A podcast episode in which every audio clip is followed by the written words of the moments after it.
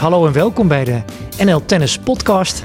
Mijn naam is Jan-Willem de Lange en uh, naast mij uh, zit Marcella Mesker en uh, ook onze hoofdgast van vandaag. Een hele grote naam in, in Nederland, tennisland. En hier in Rosmalen tot twee keer toe koning van het enkelspeltoernooi. Sheng Schalken, welkom bij onze podcast. Ja, dankjewel. Ja, laten we nog even teruggaan naar je carrière, Sheng. Sheng de tennisser dus. Negen titels.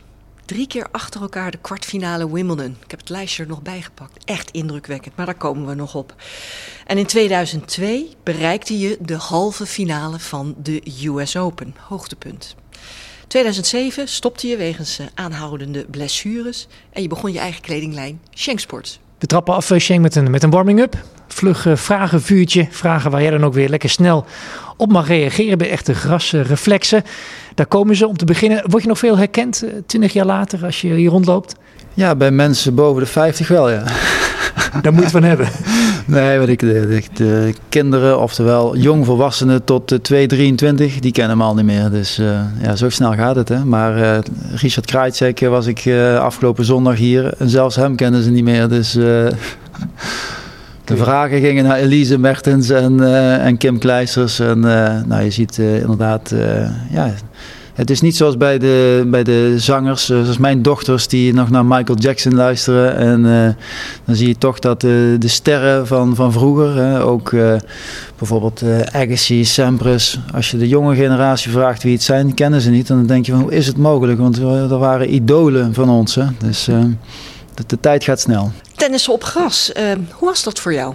In het begin moest ik even inkomen. De eerste vier keer verloor ik ook eerste ronde op Wimbledon. Maar dat was ook omdat ik uh, onder de indruk was van het toernooi. Maar het, het, tennissen op gras zelf. Op een gegeven moment toen ik de smaak te pakken kreeg. En toen tegen mij gezegd werd van Sheng, je hoeft niet service volley te spelen met je eigen service. Eerste service 170 km per uur. Dat is misschien een beetje te moeilijk. Ga, blijf nou maar eens gewoon achter. Ja, vanaf dat moment uh, toen ging de beer los. Ja. Dat kun je wel zeggen. En, en ik ben wel benieuwd, want we leven nu 20 jaar later. Voor welke grasspeler kunnen we jou anno 2022 wakker maken? Um, ja, het tennisspel is natuurlijk wel iets meer veranderd. Hè. Je ziet die andere voorhands, dus iets meer uh, topspin. Dat is op gras iets minder, uh, heeft dat minder effect. Hoe, hoe vlakker de voorhand, hoe, uh, hoe, hoe harder die bal over het gras gaat. En ik had natuurlijk een hele vlakke voorhand. dus ja, ik is zo'n bijvoorbeeld een Andy Murray, toch nog een beetje de oude jongens. Hè? Uh, natuurlijk een Federer. Maar iedereen die ook maar enigszins een beetje topspin uh, slaat, heb ik nog altijd het gevoel van, oh ja, die zijn wel te pakken. Behalve Nadal dan misschien, maar... Ja. Je hebt tweemaal gewonnen hier in Brabant. wat was Rosmalen voor een werkplaats voor jou? Voor mij was dit natuurlijk wel speciaal. Als, uh, als jonge speler, toen ik 16, 17 was, kreeg ik al een wildcard. Uh, dat was misschien toen een beetje hoog gegrepen. Maar toch won ik meteen de eerste ronde tegen Daniel Vacek. En toen was ik echt jong. En uiteindelijk heb ik uh, daarna ja, het toernooi een keer gewonnen met Paul in de dubbel. En daarna kwamen de, ja, de successen achter elkaar. Twee keer uh, toernooiwinst. Ook de eerste keer uh, ook meteen voor eigen publiek eigenlijk de enige twee toernooien. De rest won ik uh, ja, overal waar geen Nederlanders zijn. Dus dat was speciaal. En ook een ambassadeursrol altijd uh, wel ingevuld. Dat, is, dat doe ik nou trouwens nog steeds. Nu is dat anders hoor dan, uh, dan vroeger. Vroeger dan, uh, dan vroeg ik alle topspelers van heb je zin om naar Rosmalen te komen. En dan kon ik dat doorgeven aan Marcel of de kans was ja of nee. Of Leighton Hewitt of Pat Rafter kwam. Dus ja, ik, zat, ik zag die jongens natuurlijk toch elke gekomen. dag. Ja, die zijn nog gekomen. En, uh, maar ook als er bijvoorbeeld uh, dingen niet goed waren, al waren het de douches of de, bijvoorbeeld uh, de handdoeken die niet afdrogen omdat ze te nieuw waren. Ja, dat soort dingen, dat, dat weet je als toernooidirecteur niet. Dus ja, dat speelde ik allemaal door aan, aan, aan Marcel. van nou, dat en dat en dat, daar moet je misschien op letten. Kijken of je er wat aan kan doen. Uh, maar nu is de rol anders. Nu, nu spreek ik met, uh, met bedrijven, ontvang ik mensen die uh, investeren in het toernooi. Dus een ander soort ambassadeurschap. Maar nog steeds betrokken bij het toernooi. En, en als je het hebt over die, die wensen, eisen misschien wel. Heb je wel eens iets geks meegemaakt in al die jaren dat je denkt, goh, nou ja, oké, het hoort bij die persoon misschien? Um, nou ja, niks, niks geks, maar wel iets heel fundamenteels. Dat was natuurlijk dat de banen anders waren dan Wimbledon. Dus uh, de banen hier op een gegeven moment, de, de stuit was niet, uh, niet hoog, een zandondergrond. En ja, op Wimbledon was een klei ondergrond. Dus ja, Kwamen er toen niet acht vrachtwagens vol met Engels klei hier of een andere ondergrond? Hoe was ja, dat ook alweer? Ja, het zijn hele grote investeringen geweest per baan, belachelijke bedragen om uh, in ieder geval uh, ervoor te zorgen dat, uh, ja, dat de banen precies hetzelfde zijn als op Wimbledon. En nou, het resulteert ook erin, zoals je dit jaar natuurlijk ook ziet, een ongelooflijk sterk deelnemersveld. En dat komt omdat de banen hetzelfde zijn. Want als de banen anders is, de stuit is anders, ja, dan, dan, dan, dan ontwijkt iedereen het toernooi.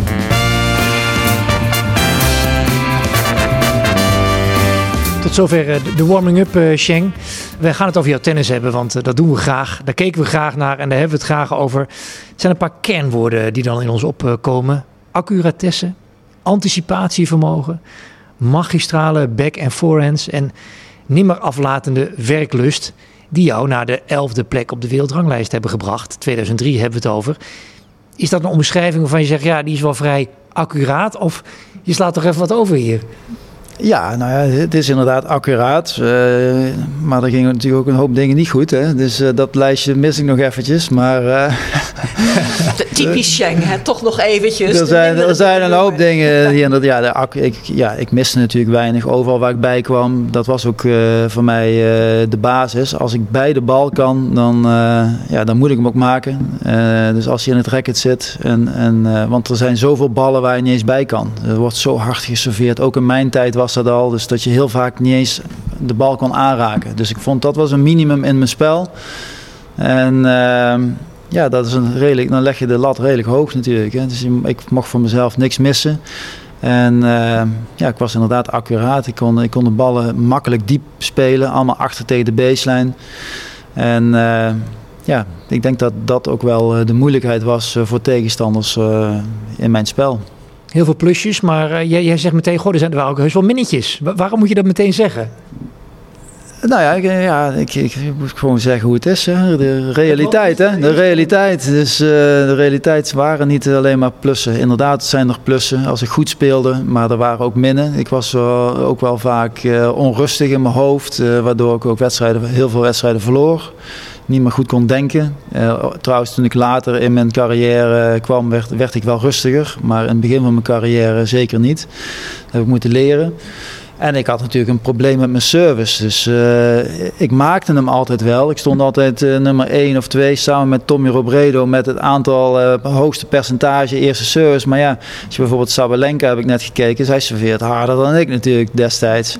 En ja, ik serveerde altijd 180, 175. Dus dat betekent dat ik altijd maar via de rally moest ik mijn, mijn wedstrijden winnen.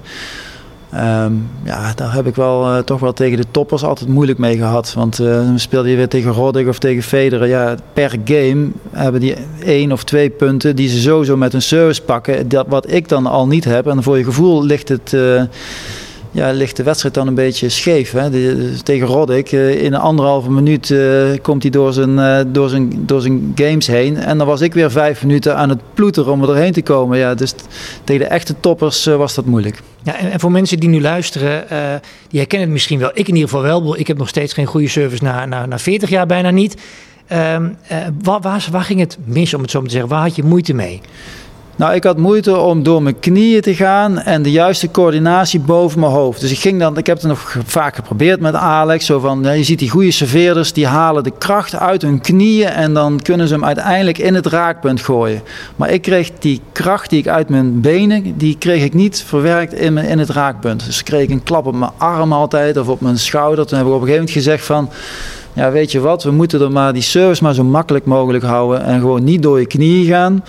En dan sla je hem gewoon op, op, uh, op lichaamsgewicht. Dus, dus dan laat je lichaamsgewicht erin vallen. En, maar dat is een lastig en dan kom je niet harder dan 190. En dan moet je altijd gaan manoeuvreren met een zachte slice in het lichaam. En goed die hoekjes allemaal. Uh, maar die echte klap die, uh, die je ook af en toe nodig hebt, ja, die had ik niet ja, de keten van het lichaam dat helemaal mee moet doen. De, Inderdaad, ja. Serveren. Ja, dat, dat ja. lukte dus niet. Was het misschien je lichaam dat daarmee te maken stukje coördinatie, ja, ik denk het een stukje coördinatie, ook wat stijfheid hoor. Als je die goede serveerders ziet, eh, Piet Sempers had ook hele flexibele schouders en eh, super flexibel was hij.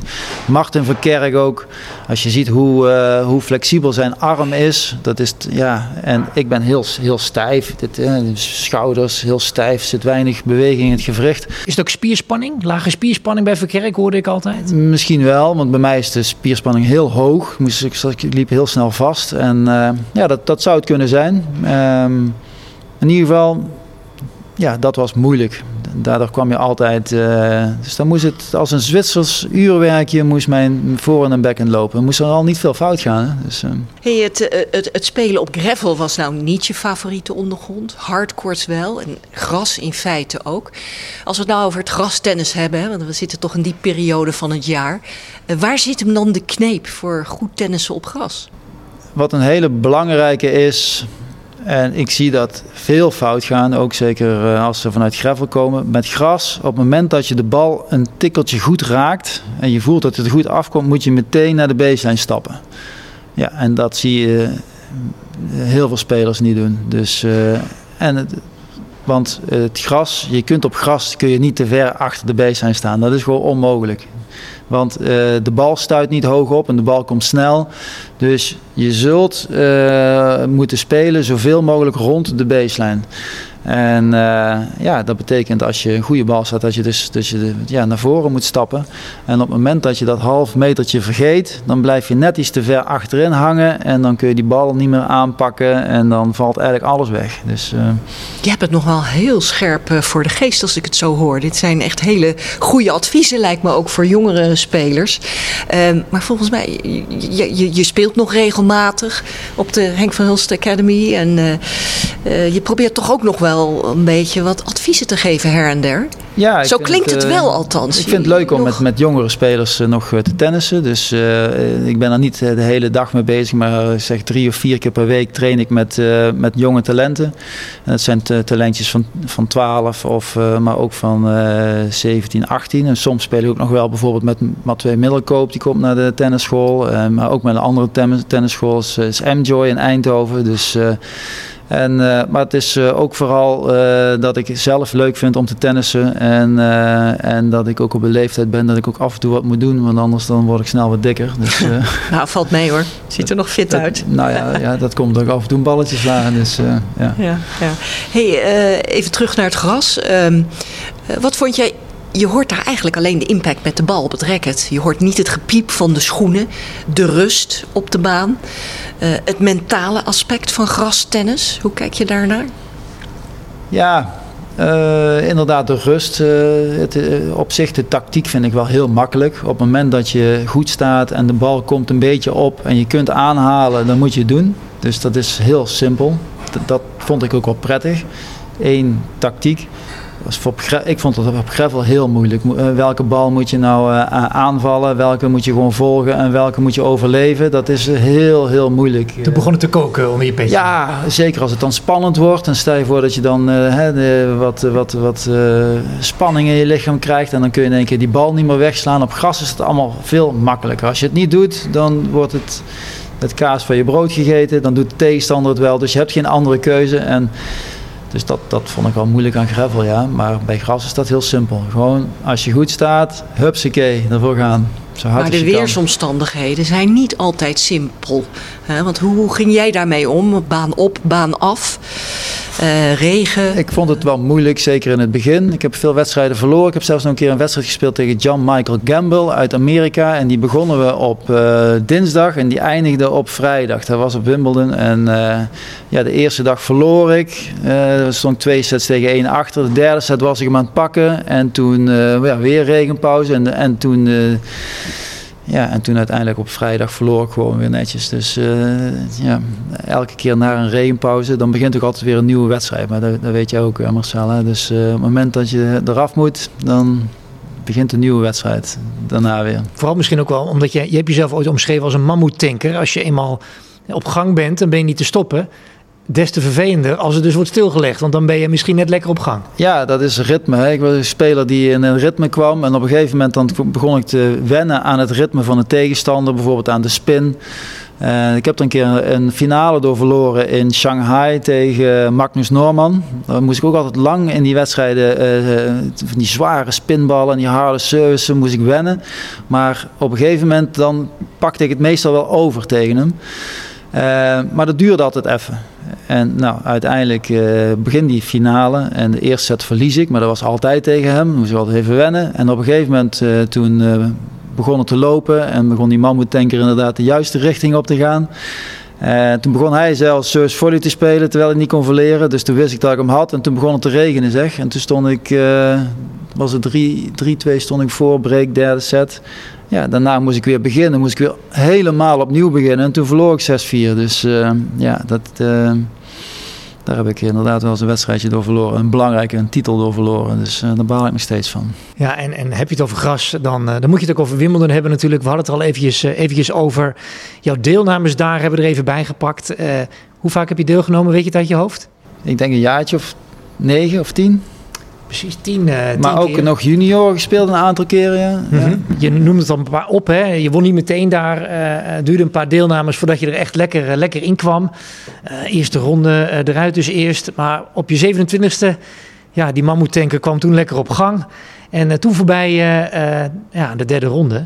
was, was dat echt een dingetje, die derde ronde? Was dat een soort van blokkade voor jou? Ja, nu je het inderdaad weer aangeeft, die derde ronde inderdaad. Dus ik, dat was, ik weet niet hoe vaak ik die derde ronde verloren heb, ook op andere Grand Slam toernooien. 26 Grand Slams om precies te zijn, kwam je niet voorbij de derde ronde. Ja, dus dat was een dingetje, ook in de media. Ding, ook in de media. En het begon mij ook te irriteren, inderdaad. want, uh, want dan, dan, had ik bijvoorbeeld de eerste ronde gewonnen. En dan had iedereen het over van... ja, maar je komt toch niet voorbij de derde ronde, Schenk. Dus uh, waarom ben je zo blij dat je de eerste ronde gewonnen hebt? Ze hadden het bericht al getikt. Ja, ze hadden het bericht al getikt, ja. En, uh, maar uh, het moeilijke van de derde ronde is... als je dus wat lager gerankt bent... want ik was altijd zo tussen de... ja, in ieder geval niet bij de eerste tien natuurlijk... maar die kom je in die derde ronde wel tegen. Dus, want als je geplaatst bent, dan ja, dan kom je ze op een gegeven moment tegen in de derde ronde. Dus daarom verloor ik vaak van Sampras of weet ik wie ik allemaal tegen ben gekomen. Allemaal goede spelers in de derde ronde. Ja. En die keer dat jij er voorbij kwam, was dat dan ook omdat je net even niet zo'n toppen tegen Nou, dat bedoel ik, ja. Die Jeff Morrison kwam ik tegen. Ik denk, nou ja, nou, nou is de kantje. En uh, die pakte ik gelukkig toen ook. Ik stond toen goed te spelen. En toen denderde ik door. En uiteindelijk heb ik inderdaad een aantal keer kwartfinale gehaald en, uh, en halve. Maar uh, die, die derde ronde was inderdaad wel een ding, ja. Ja, we hadden het er van tevoren even over Marcel en ik. Het waren ook de jaren dat Nederland nog voor de buis gekluisterd zat. Wimbledon te kijken. Het was toen bij uh, RTL 5, zeg ik even uit mijn hoofd. RTL 4 was dat toen. RTL 4. Met Gené. En, uh, Wilfred Gené ja, die tennis ja. presenteerde. Dat voelt al helemaal als een eeuwigheid geleden. En Jacco en Jan in dat tentje, weet je, op ja. Wimbledon. Een showtje maakten ze ervan. Ja, Precies. heel leuk, ja. Daar heb jij waarschijnlijk helemaal niks van meegekregen. Maar de, de wedstrijden natuurlijk wel. Philip Poeses, vijfzetter, Courier. Dat waren natuurlijk echt, uh, ja, in, in mijn beleving legendarische duels.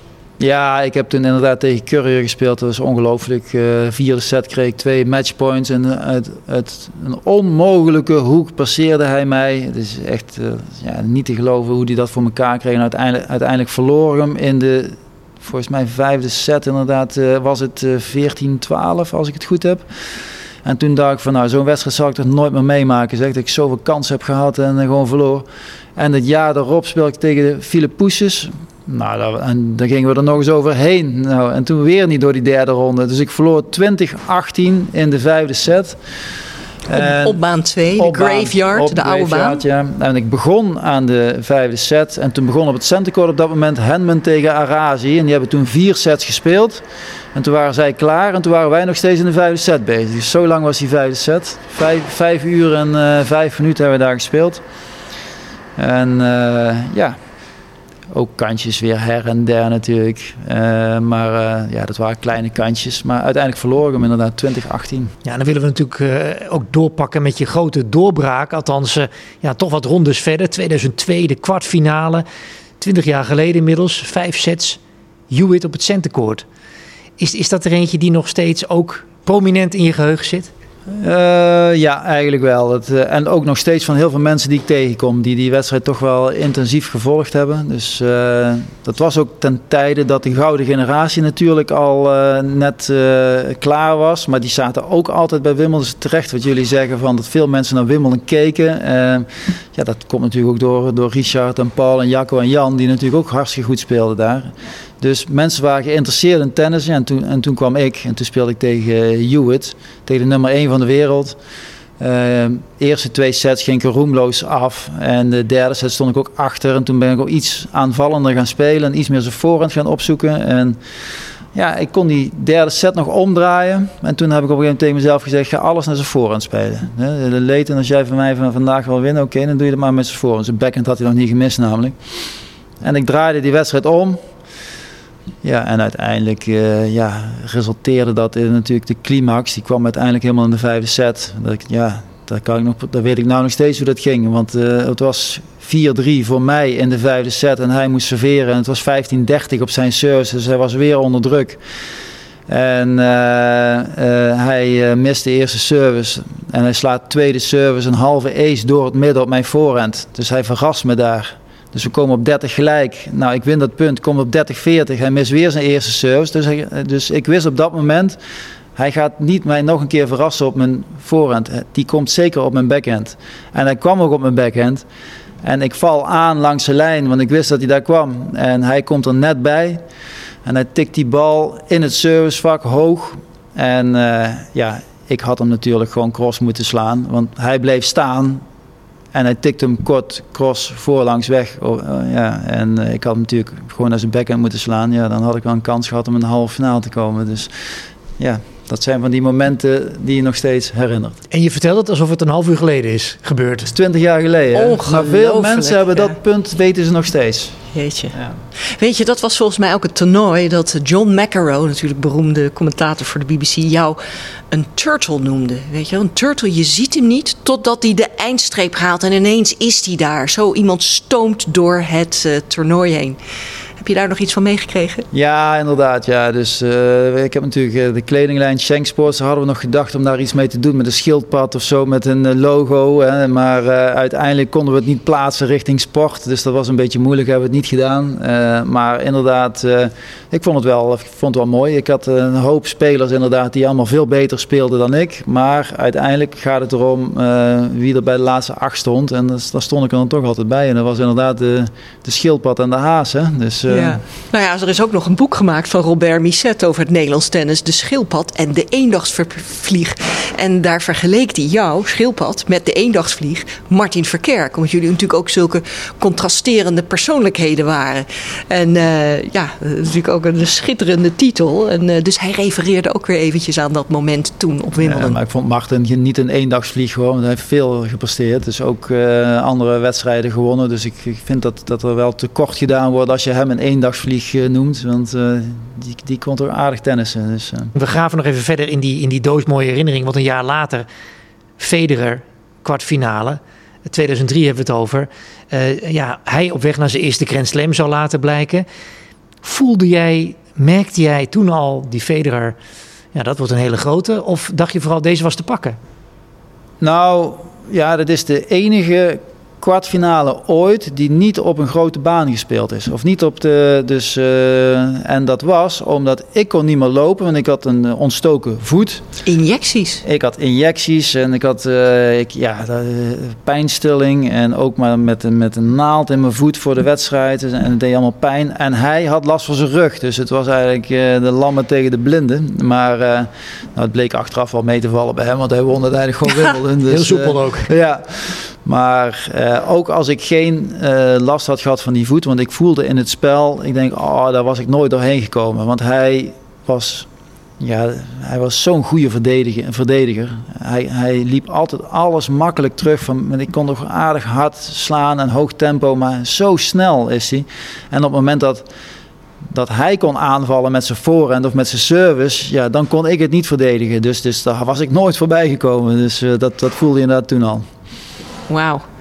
Hey, en uh, dat jaar van Wimbledon 2002, dat was natuurlijk de opmaat voor een nog groter succes, de US Open, jouw halve finale plaats.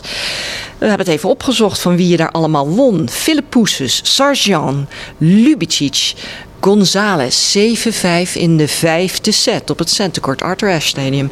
Querten en je verloor uiteindelijk van Pete Sampras. Ja, dat is een toernooi die moet gegrift zijn in je, staan in je herinnering. Ja, dat was indrukwekkend. Ik had natuurlijk een slechte loting. De eerste ronde Philippoussis. Ik was geplaatst en hij kwam terug van een blessure. Dus, dus daar had ik wel echt slechte zin van dat ik tegen hem moest. En daar, daar heb ik gewoon geluk gehad. Want hij was mij aan het verslaan. En het was, uh, het was, het was 3-3, vierde set ergens.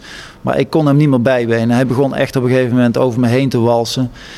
En toen, uh, toen ging hij uh, een fancy smash doen, waardoor hij op zijn, uit zijn, ja, zijn knie ging kapot. En ja, daar heb ik natuurlijk geluk gehad. Maar dat gaf wel zoiets van dat je over een barrière heen bent. Je bent helemaal los voor het toernooi. Je, je bent met de schrik vrijgekomen. Ja, de klassiek is dat, hè? Ja, en dat zie je natuurlijk vaker. Hè? En toen begon ik echt ongelooflijk goed te spelen. En uh, ja, een aardig rijtje afgewerkt. Inderdaad, met, uh, met Lubicic, uh, wat natuurlijk een hele sterke speler was. En en uh, op het centercourt verslagen. Dus, uh, en natuurlijk González, 7-6, vijfde set. Dat was, ja, hij was trouwens nog wel wat jonger toen, maar ik zag het wel als een kans hoor. Ik speelde de man met de hand van steen, zo hard sloeg die, ja, die voorhand. Ja. Ik heb ook inderdaad nog nooit tegen iemand gespeeld die zo hard kon slaan als hij. Dus uh, zijn, en toch zijn gewonnen. voorhand, ja, ja, maar ja, ik bleef gewoon voeren en voeren en voeren. En uh, waar, waar ik goed in ben, maar overal waar ik bij kwam, maakte ik ook. Maar want ik dacht van die Gustavo Querte speelde ik de ronde ervoor tegen. Ik wist van nou, als ik hem bij kan benen, dan, dan zijn er weinig die harder slaan dan hij. En toen kwam ik tegen, tegen Fernando. Nou, dat was gewoon twee keer harder. Dat, dat, was, dat was, ja, dat, was, dat had ik nog nooit meegemaakt. Dus, uh, Een mooi rijtje ook, die halve finale waar je in stond. Dat was leuk, ja, inderdaad. Ja, ja, ja. Sampras, Agassi, en Hewitt. En Hewitt. Ja, en de da en, en het, was, het was Super Saturday. En de Venus, uh, Venus en Serena speelden tegen elkaar. Dus ja, stond dat toch wel een leuk... Uh, ik, heb, ik heb dat nog thuis huis liggen. Dat, uh, affiche. Dat, dat, affiche, ja. Heb je, heb je ooit op een mooie affiche gestaan? Was het iets, want jij was natuurlijk ook heel erg met resultaat bezig. En op dat moment wilde je gewoon meer. Uh, was je iemand die daar überhaupt van kon genieten destijds? Nou, ik kon er toen niet van genieten, want ik baalde ervan dat ik tegen Piet Sampras moest. Want ik vond het heel moeilijk om tegen te tennissen. Hij speelde surf volley, uh, sowieso moeilijk om tegen dat soort spelers. Want ik was een ritmespeler, zoals we net al hadden. Dus ik had heel graag tegen Hewitt of Agassi gespeeld. En de, Agassi had ik al een keer verslagen op hardcore, dus ik wist dat ik dat kon. En, en Hewitt was ik al zo dichtbij geweest al een aantal keren.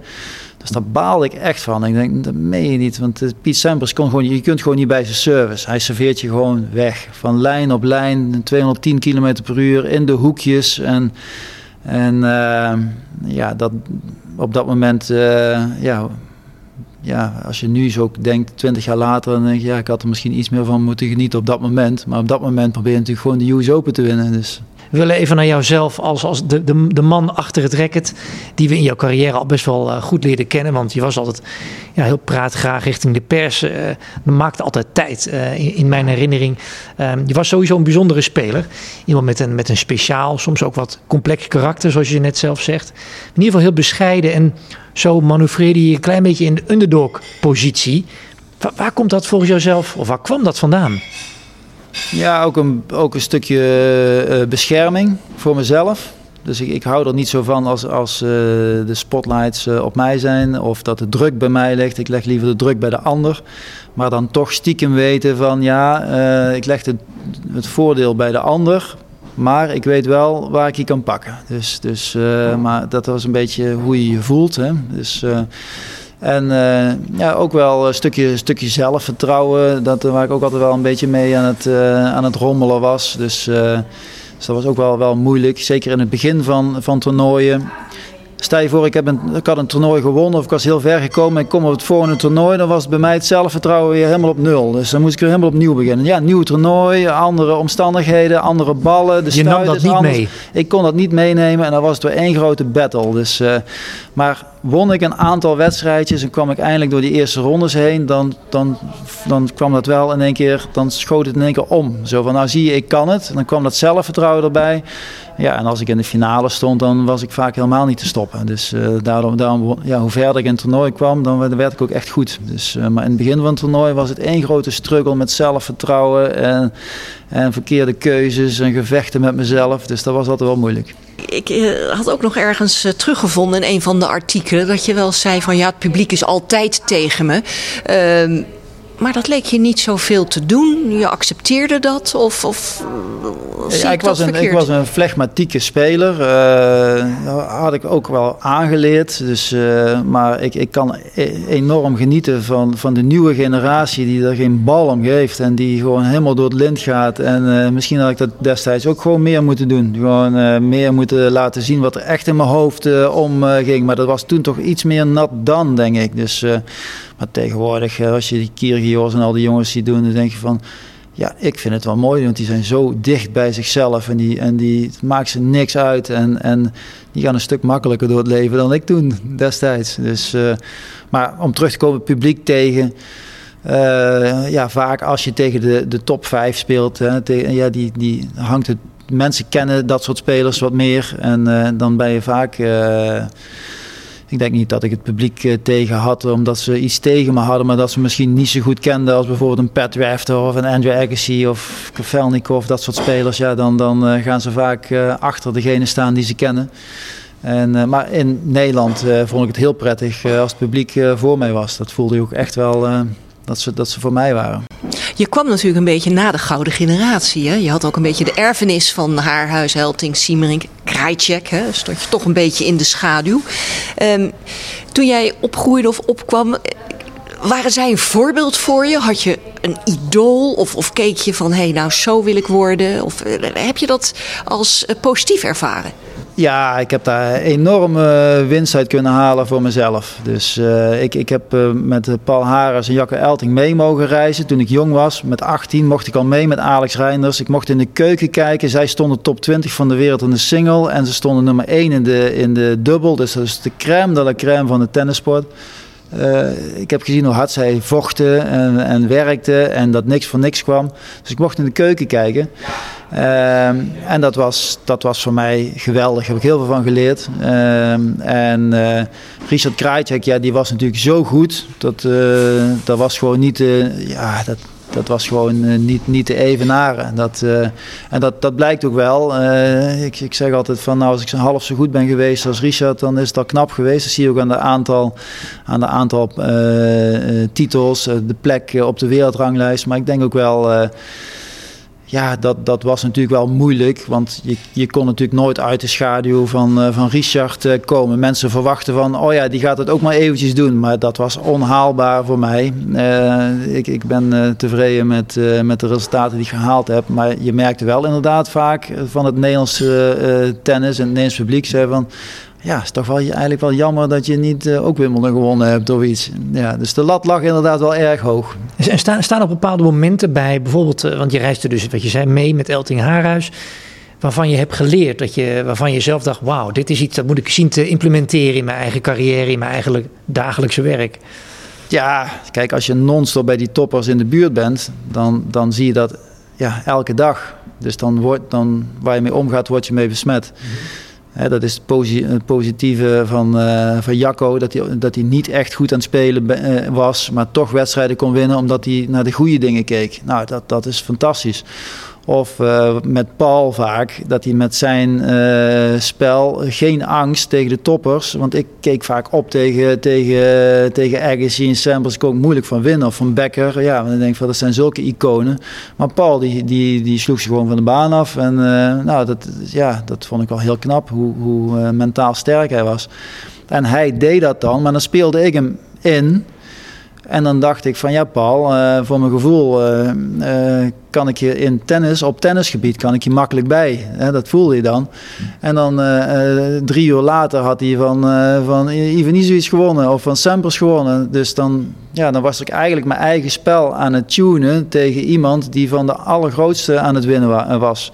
Dus ja, dat is natuurlijk een voordeel wat uh, anderen niet hebben meegemaakt. Hè. Dat heeft Raymond natuurlijk, Raymond Sluiter niet meegemaakt. En Marten Verkerk niet. En John Verlottem niet. En ik denk als zij ook in de keuken hadden mogen kijken bij Paul en bij Jacco en bij, bij Richard Kraaitje en dat soort jongens. Dan, dan, ja, dan hadden ze misschien uh, uh, ook nog, ja, hadden ze nog, nog mooiere resultaten neer kunnen zetten. Dus. Ja, en heeft het van jou ook een iets minder grote piekeraar gemaakt? Misschien omdat je er minder tegenop hoefde te zien om van dit soort ja, iconen te winnen, wat je natuurlijk ook gewoon een paar keer gelukt is? Um, nou, piekeren was natuurlijk toch een beetje mijn middelneem. Dus uh, dat, ja. dat, is ook gebleven. Dus, uh, had, Meneer de piekeraar. Ik had, uh, die wedstrijden had ik al tien keer gespeeld voordat, ja, voordat ik de baan op ging. Dus scenario, als scenario A niet ging, dan ik was zelfs al bezig van waar moet ik gaan serveren als het niet meer lukt. Dat, dat soort scenario's had ik al in mijn, in mijn hoofd. En, en dat komt ook omdat ik niet kon improviseren.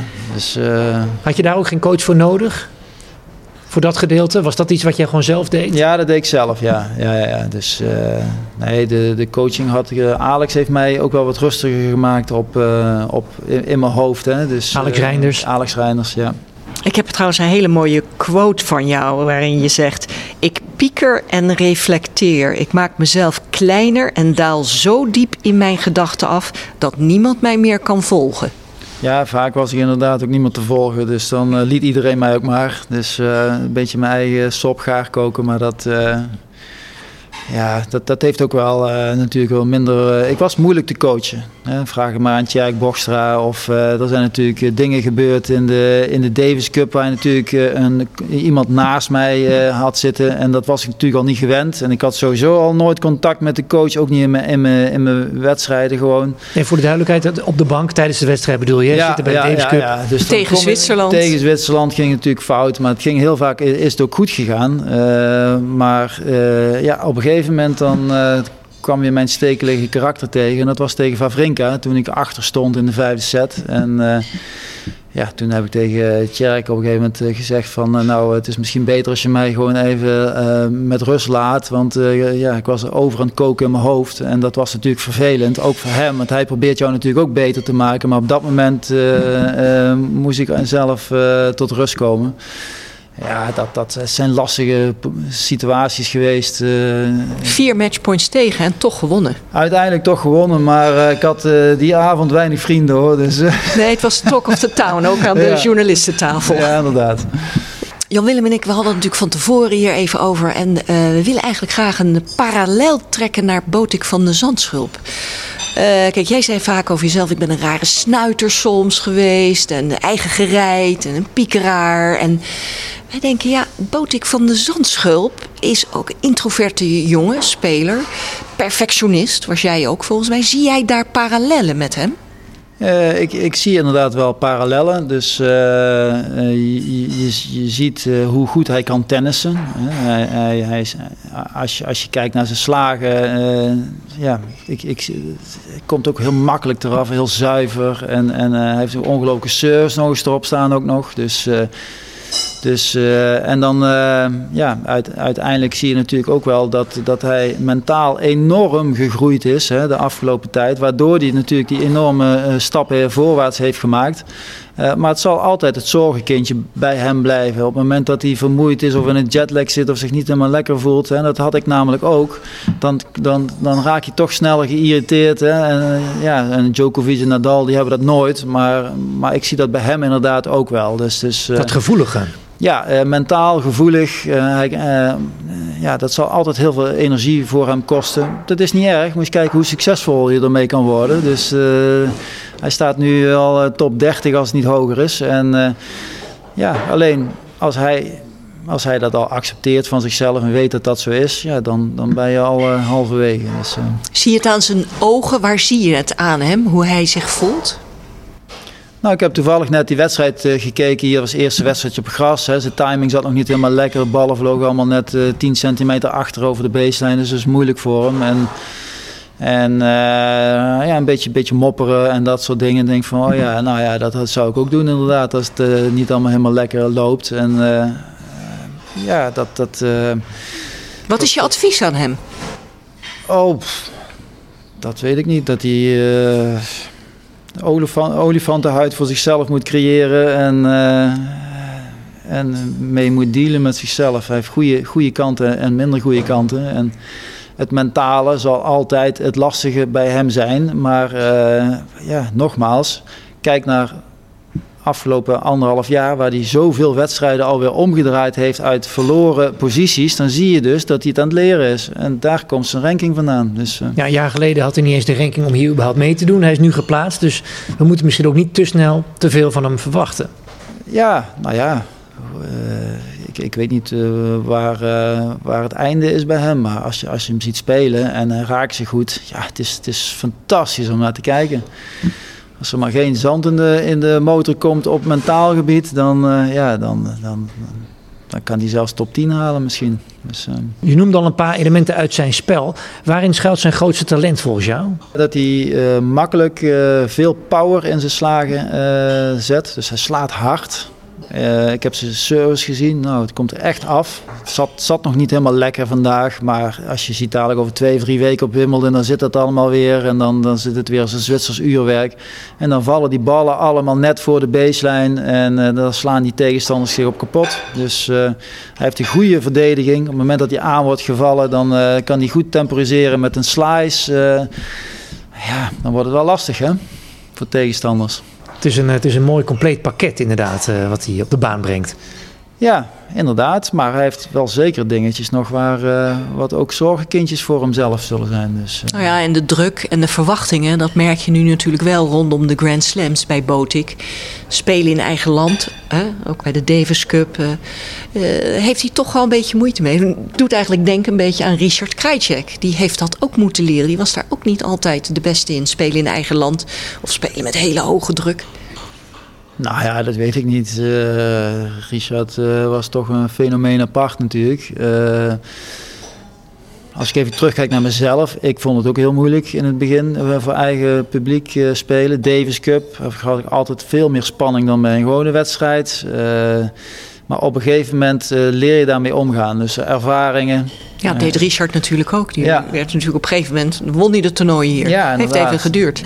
die ervaringen, maar ja, dat is, wat is ervaring? Ja, dat is natuurlijk een, een emmer vol met mislukkingen. Dus laat, uh, laat Botik eerst maar eens een paar mislukkingen nog hebben. En dan op een gegeven moment, dan, dan komt hij daar ook wel doorheen. Dus, we gaan even terug naar je jeugd, uh, Sheng. Uh, je had geen alledaagse jeugd, om het zo maar uh, te zeggen. Gezin met vier kinderen kom je vandaan.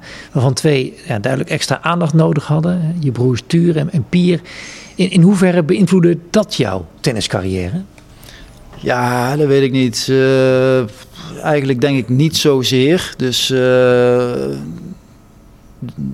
je, je, relativeert natuurlijk wel iets, iets makkelijker. Maar van de andere kant, als je in het spel zit zelf, eh, op de wedstrijd staat, dan ben je nooit met gezinssituaties bezig. Of als er dingen thuis zijn gebeurd die natuurlijk niet, niet prettig zijn, dan toch als je in zo'n wedstrijd zit, dan zit je in je eigen wereld. En dan uh, komt stoom je gewoon uit je, uit je oren als het niet, als niet loopt. En dan kun je achteraf alweer relativeren. Maar, maar tijdens de wedstrijden heeft dat nooit een, een plus of een min gegeven. Dat alleen maar ja, als mens wel, maar uh, op de baan ben je toch vaak uh, een mens onder hoogdruk. Hè? Dat is uh, een iets gestrester mens.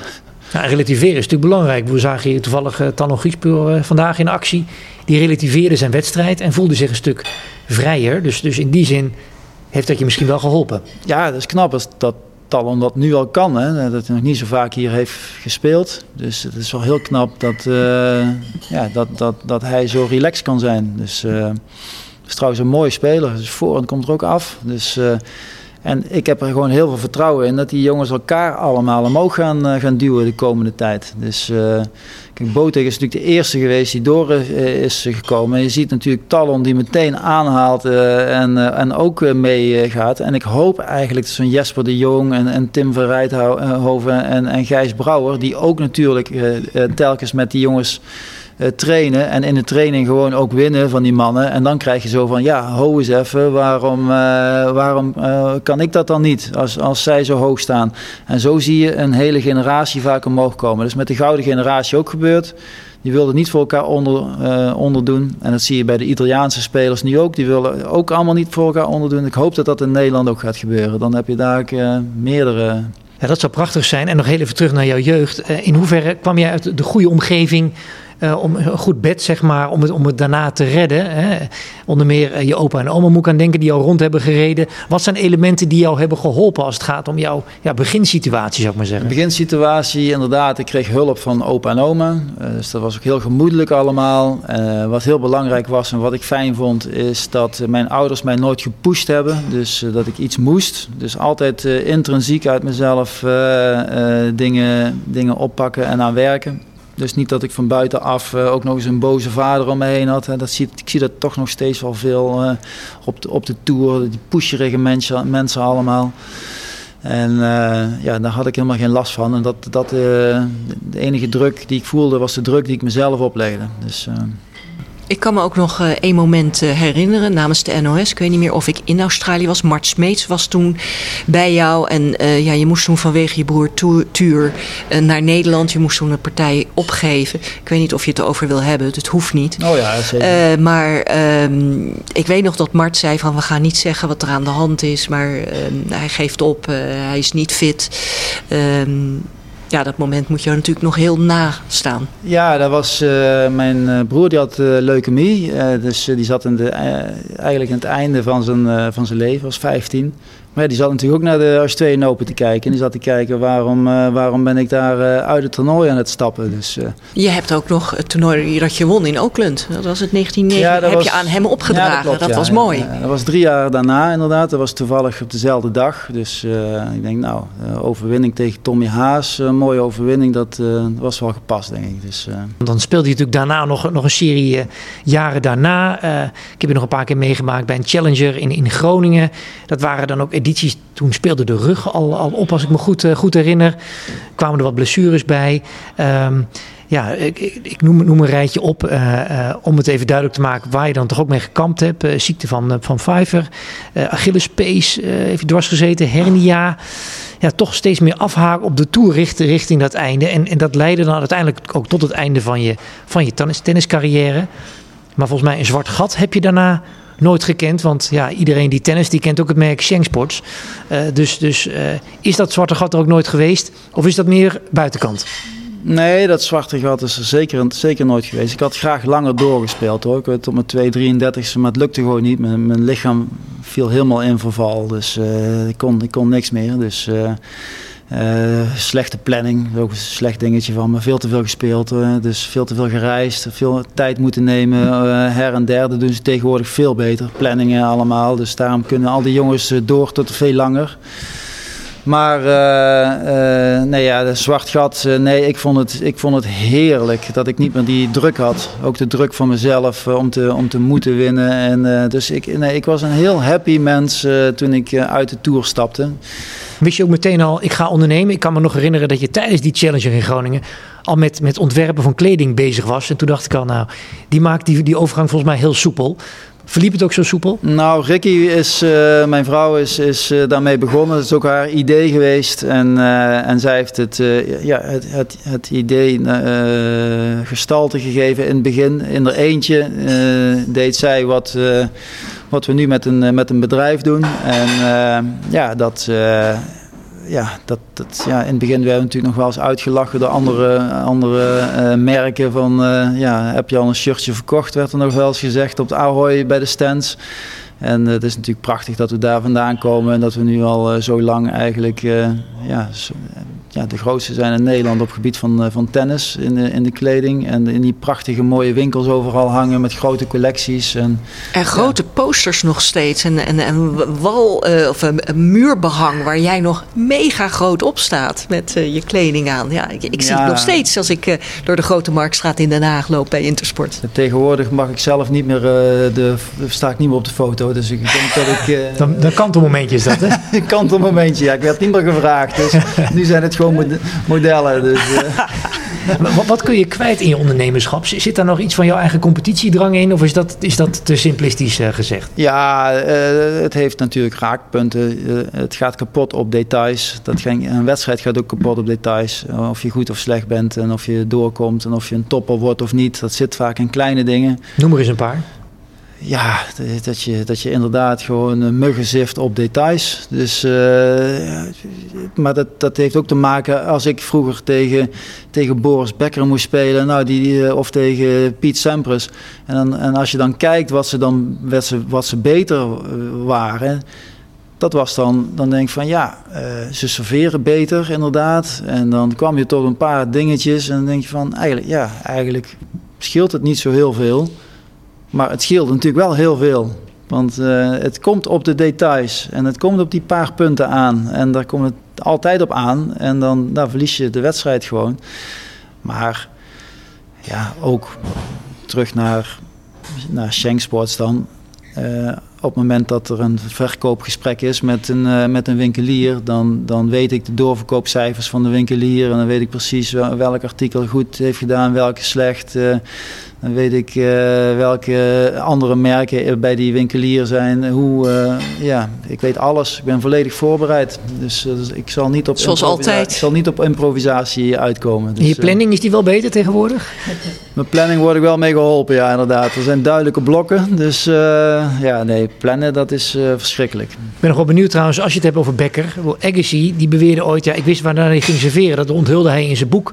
Namelijk zijn tongetje wees die kant op. Wist jij dat ook of niet? Nee, dat wist ik niet. Nee, dat had ik wel moeten weten inderdaad. Vond ik een mooi detail. Als het gaat om details, ja. dacht ik dat is misschien eentje die je ook wel meekreeg. Ja, dat zijn legendarische personen. Het is ongelooflijk wat er met Becker gebeurd is. Dat is, dat is niet te bevatten. Hè? Dus uh, er zit nu in de gevangenis. Ongelooflijk. Af en toe ben je nog steeds, dat vertelde je al, betrokken bij, uh, bij tennis. Hè? Je speelt nog regelmatig om zelf fit te blijven. Je vindt het leuk. Uh, we hebben ook wel eens begrepen dat je soms nog met Demi Schuurs of Matwee Middelkoop traint. Je hebt ook een tennisbaan in je tuin. Um, vertel daar wat meer over. Uh, ja, inderdaad. Dus uh, ik, ik heb toch nog een aardig niveau hoor. Uh, dus ik, ik, kan, ik kan mee, zeker op een halve baan. Dus, het, het, als, je de bal, als je maar bij de bal kan. Ja, hè? inderdaad. Dus het lopen is altijd het moeilijkst. Dus mijn lichaam was altijd wel lastig. Maar maar ja, ik kan inderdaad uh, hoog tempo spelen en, en, en hard slaan zonder fouten. Dus je kunt, die jongens die trainen graag met mij. Ik mis niks. Uh, tempo hoog houden. En, en dat is ook leuk om te doen.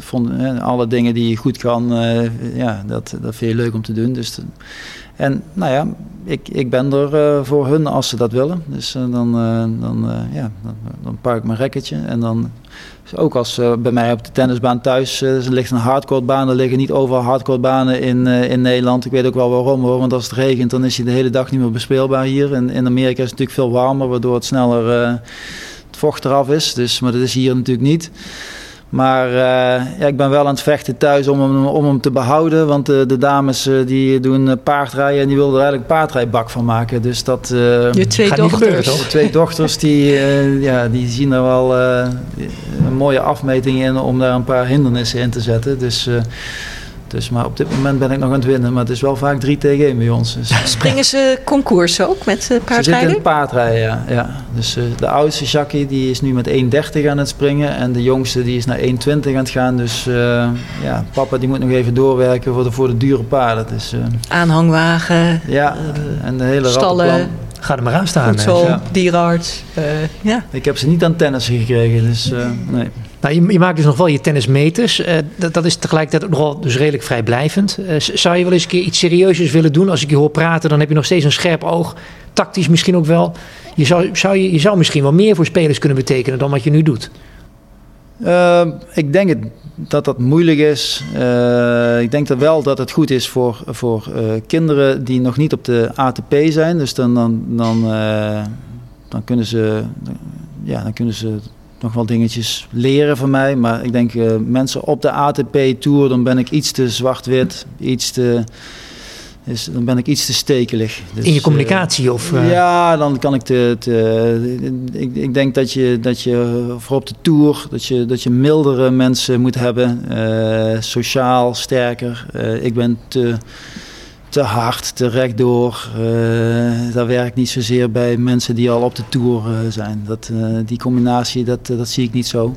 Nee, maar ik bedoel ook niet per se een rondreizend bestaan. Maar ik kan me voorstellen dat je wel iets zou kunnen doen als, als, voor analyse. De wedstrijdvoorbereiding. Is dat nog iets waarin je iets zou kunnen betekenen?